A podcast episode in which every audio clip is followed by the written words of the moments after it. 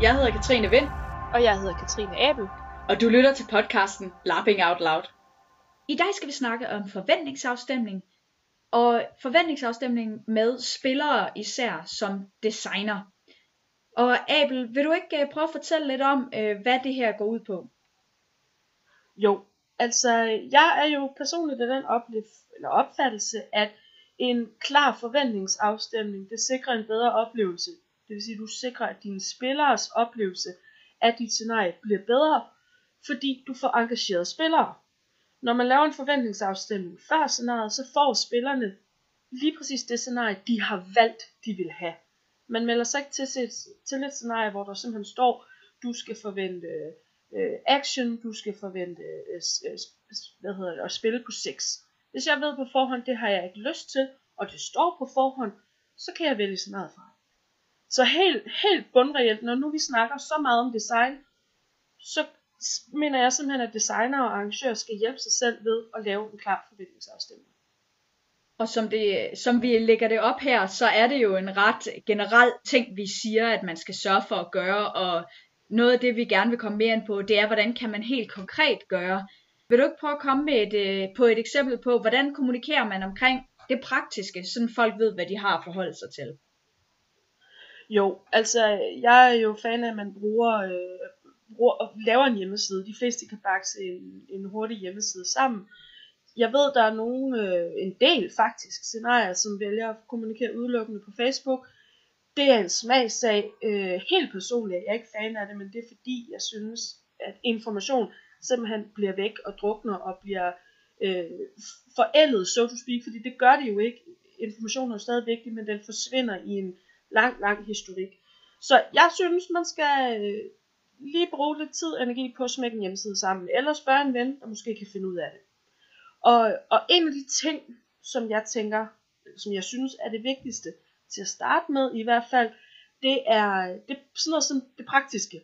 Tit så kan vi godt lade os selv drukne lidt i, uh, i at hold op, hvor er mit scenarie fedt. Det her koncept, det er bare mega lækkert, og det er den her settingbeskrivelse, og det er bare, jeg, jeg skal simpelthen sælge det her scenarie så voldsomt. Men det kan også godt betyde, at det praktiske drukner, og det praktiske er rigtig vigtigt for spilleren, når spilleren sidder med pengene i hånden og vurderer, skal jeg til det her scenarie eller ej. Så sådan noget som spise, sove, skide, det er sådan et dejligt øh, jysk, de tre S'er, er enormt vigtigt. Skriv, hvordan kommer dine spillere til at spise, hvordan kommer de til at sove, og er der toiletfaciliteter, og så, hvis, hvis der ikke er almindelige toiletfaciliteter, hvad skal man så forvente?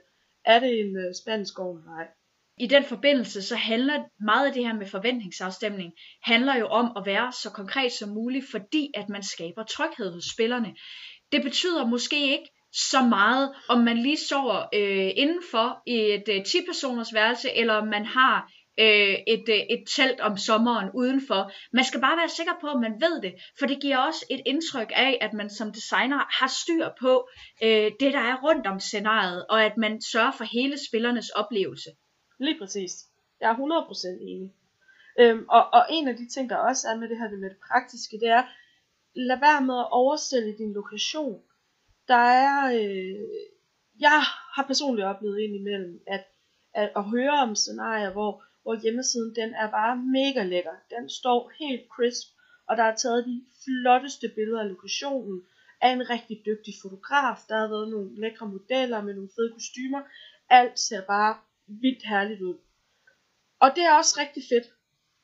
Man kan dog være uheldig, at når så spillerne ankommer på lokationen, så er det i virkeligheden bare måske lidt en middelmådig.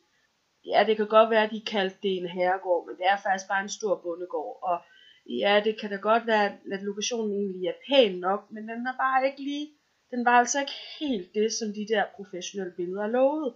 Så nogle gange, så kan ærlighed altså faktisk bære en længere, fordi spillernes forventninger bliver bare højere af, at man sælger noget crisp. Hvis man kan leve op til det, så skal man selvfølgelig bare give los, hvis man rent faktisk har den lækreste lokation i verden, og, og, og det er det, spillerne får. De los, altså sådan er det.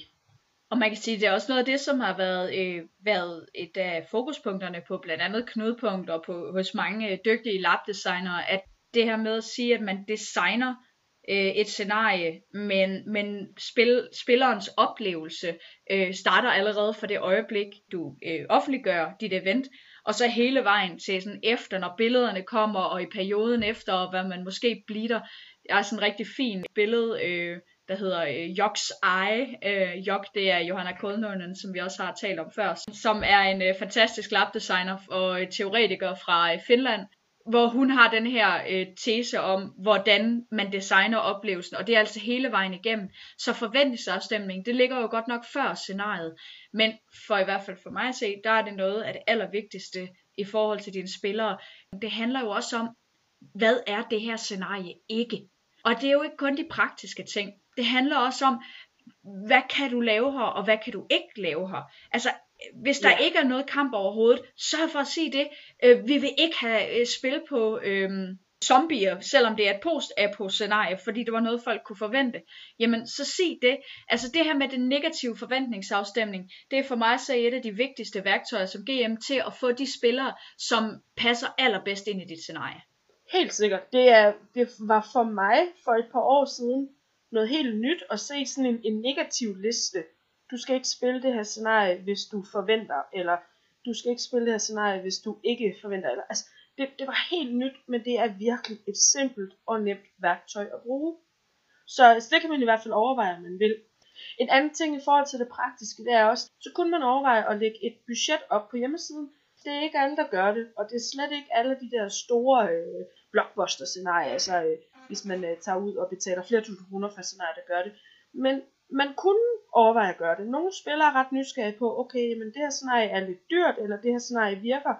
Øh, det virker som mange penge for et forholdsvis kort scenarie. Hvis man ikke tænker, ah, at spillerne de skal have indblik i alle de små detaljer, så kunne man jo dele budgettet op kun med sådan de overordnede områder.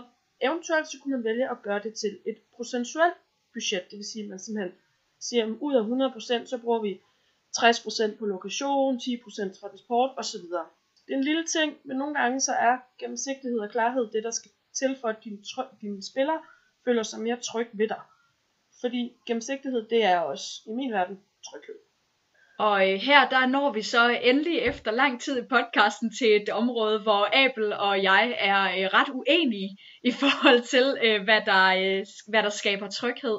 Fordi øh, jeg har det i hvert fald sådan, øh, både som designer og som spiller, at hvis jeg ikke stoler på, at GM'erne bruger mine penge på en, en god måde, uden at have set et budget, så er jeg ikke sikker på, at jeg vil tage til deres scenarie. Altså jeg vil altid give dem benefit of the doubt, fordi de har, uanset om det er en forening eller professionelt lagt, ufattelig mange timer, og med en ekstremt lav timeløn i forhold til, øh, hvad man får ud af det. Jeg kan se det i højere grad i foreninger, fordi foreninger har en hvad skal man sige, en åbenhed omkring budgetter og så videre, og der kan være noget tillid i forhold til foreningens medlemmer og så videre. Men jeg synes også, de store firmaer, altså jeg kender ikke mange firmaer, der lægger deres interne budgetter ud til præcis, hvad bruger vi vores penge på. Så jeg synes faktisk mm. ikke, at det er øh, noget, jeg vil sige, man bør gøre, men jeg kan godt forstå, hvorfor det bliver bragt op. Øh, jeg synes bare ikke, det er vigtigt. Nej, og man kan sige, at nu, nu jeg, jeg synes ikke, jeg ved ikke om jeg sagde det, jeg tror ikke jeg fik sagt, at man bør gøre det. Øh, det håber jeg ikke, I gør, fordi jeg mener ikke, man bør, det skal være et valg, om man gør det. Men du har selvfølgelig helt ret. Jeg tror i højere grad, jeg vil synes, det var øh, et værktøj at bruge for netop en forening. Jeg tænker det egentlig ikke så meget som, at at det er en, en, sådan en, nu skal vi sidde og lure på, om arrangørerne tager sig godt betalt for det her, hvor mange penge der bliver brugt til, til NPC-snack. Jeg tror egentlig mere, det handler om at skabe noget gennemsigtighed i forhold til, jamen, ja, det er mange penge at bruge på et scenarie, men du kan jo se, at 70% af pengene går til lokation, for eksempel.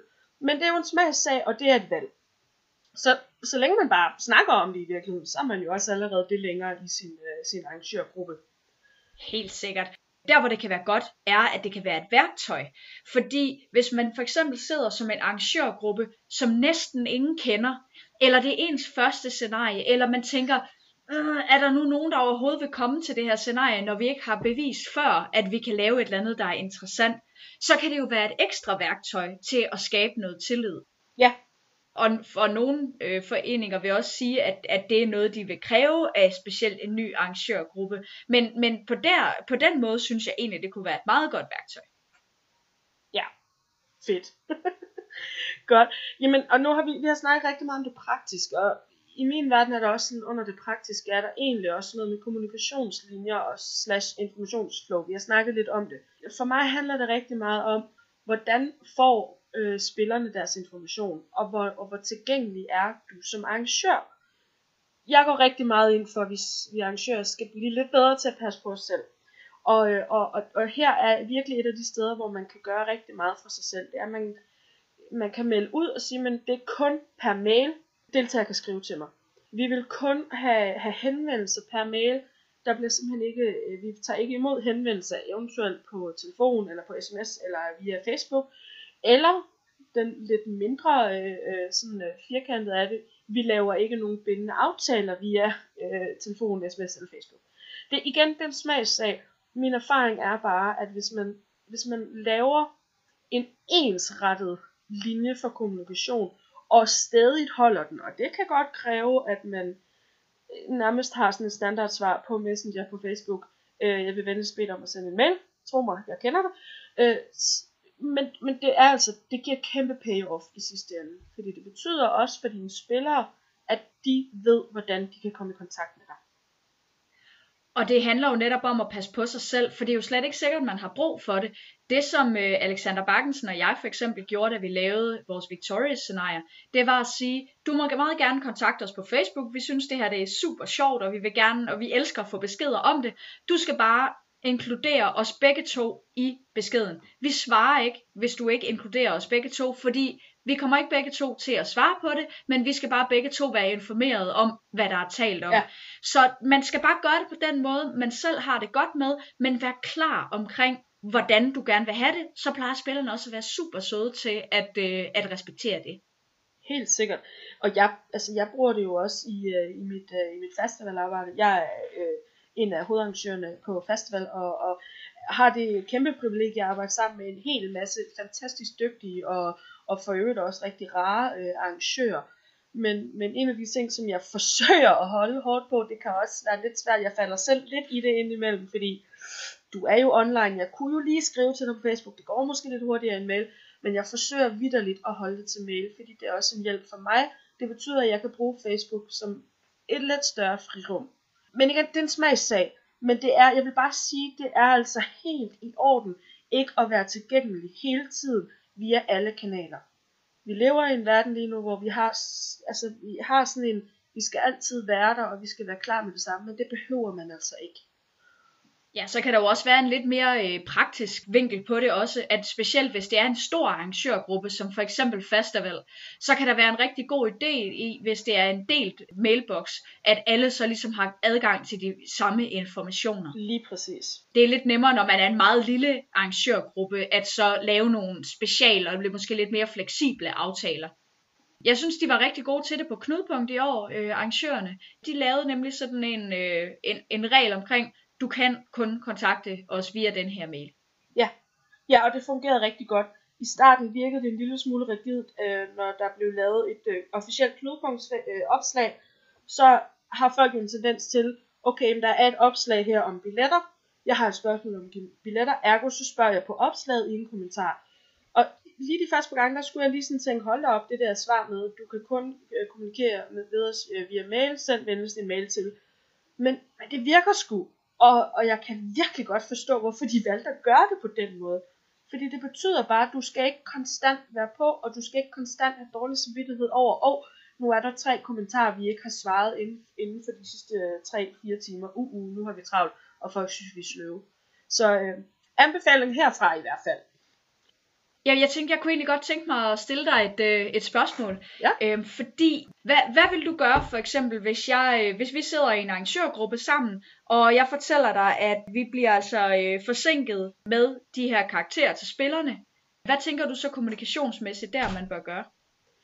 Altså igen, så kommer det jo an på, hvordan ens kommunikation har været i forvejen. Altså hvis man kun kommunikerer via Facebook, så vil det jo give mening at lave et opslag på sin Facebook hvor alle spillerne ligesom får beskeden på en gang. uanset hvad, så synes jeg, at det vigtigste det er, at, spil, at, at alle spillerne får beskeden, hvis det gælder alle spillerne. Jeg tror, det mest, det jeg vil betragte som det mest formelle, og, og mit bedste værktøj, det vil være at sende en mail til dem alle sammen. E, en BCC-mail, altså øh, ikke, ikke de der fælles mails, hvor, hvor pludselig så har du 30 spillere, der svarer på mailen, og 30 spillere, der bliver vrede, og 200 spillere, der bliver, der bliver spammet. Men, men det er en smagssag. Jeg vil sende en mail. Men det er også fordi, jeg vil nok primært kommunikere med mine spillere via mail. Jeg håber, det var svar, Katrine. Øh, Vind. Det var, øh, det var et rigtig godt svar, det synes jeg. øhm, fordi noget af det, jeg også... Øh, ja, det var godt, jeg lige kunne bedømme den. Ja. Ej, men noget, noget af det, jeg synes er rigtig vigtigt, det er, at man er menneskelig som GM. Ja. Og noget af det, jeg altid bliver ved med at slå på, er, at vi kan alle sammen få travlt, der kan ske et eller andet, vi kan overskride en deadline. Men kommunikere nu omkring Ja, for, for pokker, altså. Det, altså, det er bare, det, der er ikke noget i vejen med at gå over en deadline. Spillerne forstår det godt, men altså, så lad dem vide, at det er det, der foregår. Og lad være med at give dem deadlines, du så ikke overholder, uden at informere dem om, at den altså bliver overskrevet. Det er, altså jeg har et, et helt nyt eksempel på det, hvor jeg skal til et ellers øh, fedt scenarie sætte ud til i Holland, øh, der hedder Cirque Noir, mm. hvor der er en, øh, en spillerledergruppe på 10 mennesker, som øh, tre gange har rykket betalingsdatoen, fordi at de, de skulle finde ud af, hvordan de lavede internationale betalinger på en GDPR-venlig måde. Og øh, det de så gør, det er, at de kommunikerer til os, bare rolig, vi giver jer lige nogle dage mere til at betale jamen I har stadigvæk ikke givet os oplysningerne. Og når vi så er over den sidste betalingsdag, får vi ikke noget information om, hvornår får vi så de betalingsoplysninger? Bliver scenariet til noget? Kommer vi til at kunne betale på et tidspunkt? Ja. Altså, der er virkelig nogle kommunikationsproblemer der, der gør, at jeg føler mig usikker på, er der overhovedet et scenarie? Hvordan kommer de så til at håndtere, hvordan jeg skal sove? Hvordan ja. kommer de til at håndtere maden? Jeg bliver lige pludselig usikker på en masse andre ting, fordi der er denne her lille ting, de ikke kommunikerer omkring. Ja, og, og igen, vi, hele det her punkt hedder jo også forventningsafstemning. Husk nu, hvis, hvis du har lovet dine spillere på, øh, på hjemmesiden eller i, i din salgspitch, at vi har en mekanisk drage, og du halvvejs hen mod scenariet finder ud af, at vi har ikke nogen mekanisk drage, så kan det godt være, at du sidder og tænker, åh, åh, jeg er bange for at miste nogle spillere, fordi det var faktisk det, vi solgte scenariet på. Faktum er bare, det kan godt være, at du mister fem spillere. Til gengæld, så står du ikke med 150 vrede spillere, når scenariet kører, fordi de stadig kom, og de havde ikke fået en drage. Altså, jeg mener, det kan godt være, at det føles som et nederlag at skulle kommunikere de her ting ud, men det er bare, det er altså bedre at tage det i opløbet, og jeg, jeg vil næsten æde min gamle hat på, at største del af spillerne får en bedre oplevelse af det. For det kan godt være, det var træls, men når de sidder på den anden side af scenariet og har haft en fed oplevelse, så, så det er ikke det, de husker, forhåbentlig. Altså, det, det kan selvfølgelig godt være, at, at det var helt grimt, men, men det er det meget sjældent. Ikke? Altså, så jeg er helt enig i Vind. Men det er jo, det, lige, der, det, lige der, der tror jeg ikke, det er nogen overraskelse enig. Men, men i forbindelse med det her, hvornår kommer hvilke informationer? Nogle gange så sidder man jo i en, i en proces, hvor du ved, okay, men jeg kan faktisk først give betalingsinformationerne til januar, fordi noget med en bank, men jeg vil gerne launche hjemmesiden i september. Jamen det er okay, men så skriv det. Betaling, informationerne kommer til januar. Eller det kan være, jamen øh, jeg vil gerne øh, kunne imødekomme øh, veganer og vegetarer, men jeg er nødt til at undersøge, om den lokation, vi skal være på, kan det, så skriv det.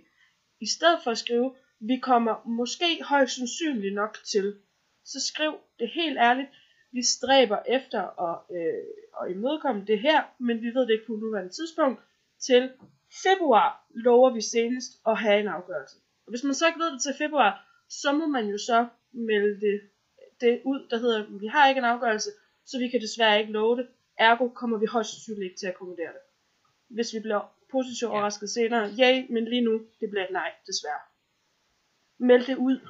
Så jo mere du kan sætte dine spillere i hånden, jo bedre Yeah. For det er jo det der med, at hvis de, føl, de føler sig jo mere trygge, jo mere de kan se, at du tager sig af dem. Det betyder ikke, at du skal kommunikere hele tiden. Altså det er godt at sådan holde, holde folk interesseret og spørge, om er I klar? Eller nu kommer der lige noget mere information osv.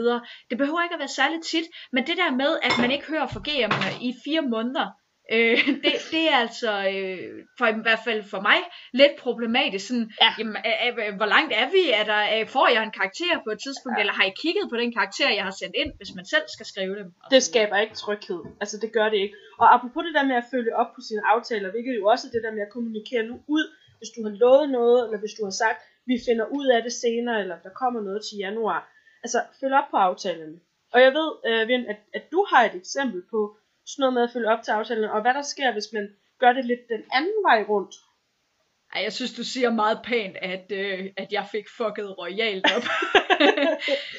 I, øh, i øh, 2014, der lavede jeg en øh, fe uh, Changeling-trilogi øh, i Victoria-tiden, sammen med Michael Heilberg og Alexander Bakkensen. Og i øh, den forbindelse, så øh, havde vi sådan et øh, spørgeskema. Folk skulle udfylde en tilmelding, og så skulle de sige, ud af de sådan øh, trelinjers karakterkoncepter. Hvilke fire af de her karakterkoncepter kunne du så godt tænke dig at spille? Fordi så havde vi sådan regnet ud, så burde vi nogenlunde kunne få folk til at spille i hvert fald en af deres prioriteter. Mm. Jeg er øh, et, et begejstret menneske. og jeg synes, det var det fedeste i verden, at øh, vi havde lige pludselig øh, rigtig mange mennesker, der gerne ville spille scenariet meget, meget hurtigt. Så jeg begyndte at sad ellers det meste af aftenen og hele natten, og øh, sad og prøvede at øh, få, få passet ind, og åh, det passer her, med dem her kan spille sådan her, sådan her. Så sad jeg lige sådan med fire, hvor jeg tænkte, hvis jeg nu bare lige kunne få dem til at spille noget andet end en af de fire ting, de har sagt, mm. at de gerne ville, så kan jeg se, at mit sådan XL-ark passer fuldstændig perfekt. Øh, var sådan helt matematisk begejstret over, hvor godt det passede. Øhm, så jeg vælger statistikeren øh, var glad. ja, så jeg vælger sådan øh, cirka 22 timer efter folk har sendt deres mail, der sådan i sådan begejstring, hype tilmelding, og spørger, så øh, en af de her fire øh, sådan, øh, prioriteter, du har valgt, kunne øh, jeg måske få dig til at spille et eller andet andet i den forbindelse. Der fik jeg nogle rimelig overraskede, rimelig sure spillere, øhm, som var lidt trætte af, at det virkede til, at det meget hurtigt var, at deres ønsker var blevet tilsidesat. Og det var det også. Jeg kan ikke anbefale den øh, fremgangsmåde. Jeg er glad for, hvordan vi fik fuldt op på den efterfølgende, men det tog altså lige et hak i øh, de menneskers tillid til mig. Øhm, så det krævede ja. lidt at få, øh, få bygget op igen. Det, det var det her med, at vi havde aftalt med spillerne, bare lige for at runde af her, vi havde aftalt med spillerne, I sender nogle ønsker ind, vi får det til at passe ind, og lige med det samme bagefter får de at vide, de her få mennesker, mm, det vil være rigtig godt, hvis du lige gider at rykke dig øh, alligevel. For det ja, tænker jeg ja, havde de været... havde jo nærmest bare lige sovet, ikke? Altså. Ja, ja, præcis. Og det tænker jeg egentlig havde været okay, hvis vi havde siddet prøv at høre guys, vi har siddet en måned, kunne vi måske omskrive en af de her karakterer, sådan at det kunne passe til det, du godt gider, og kunne vi gøre noget andet, og vil du måske, altså det, det handler jo om, at kommunikationen bare var, var horribel i den situation. Ja, yeah.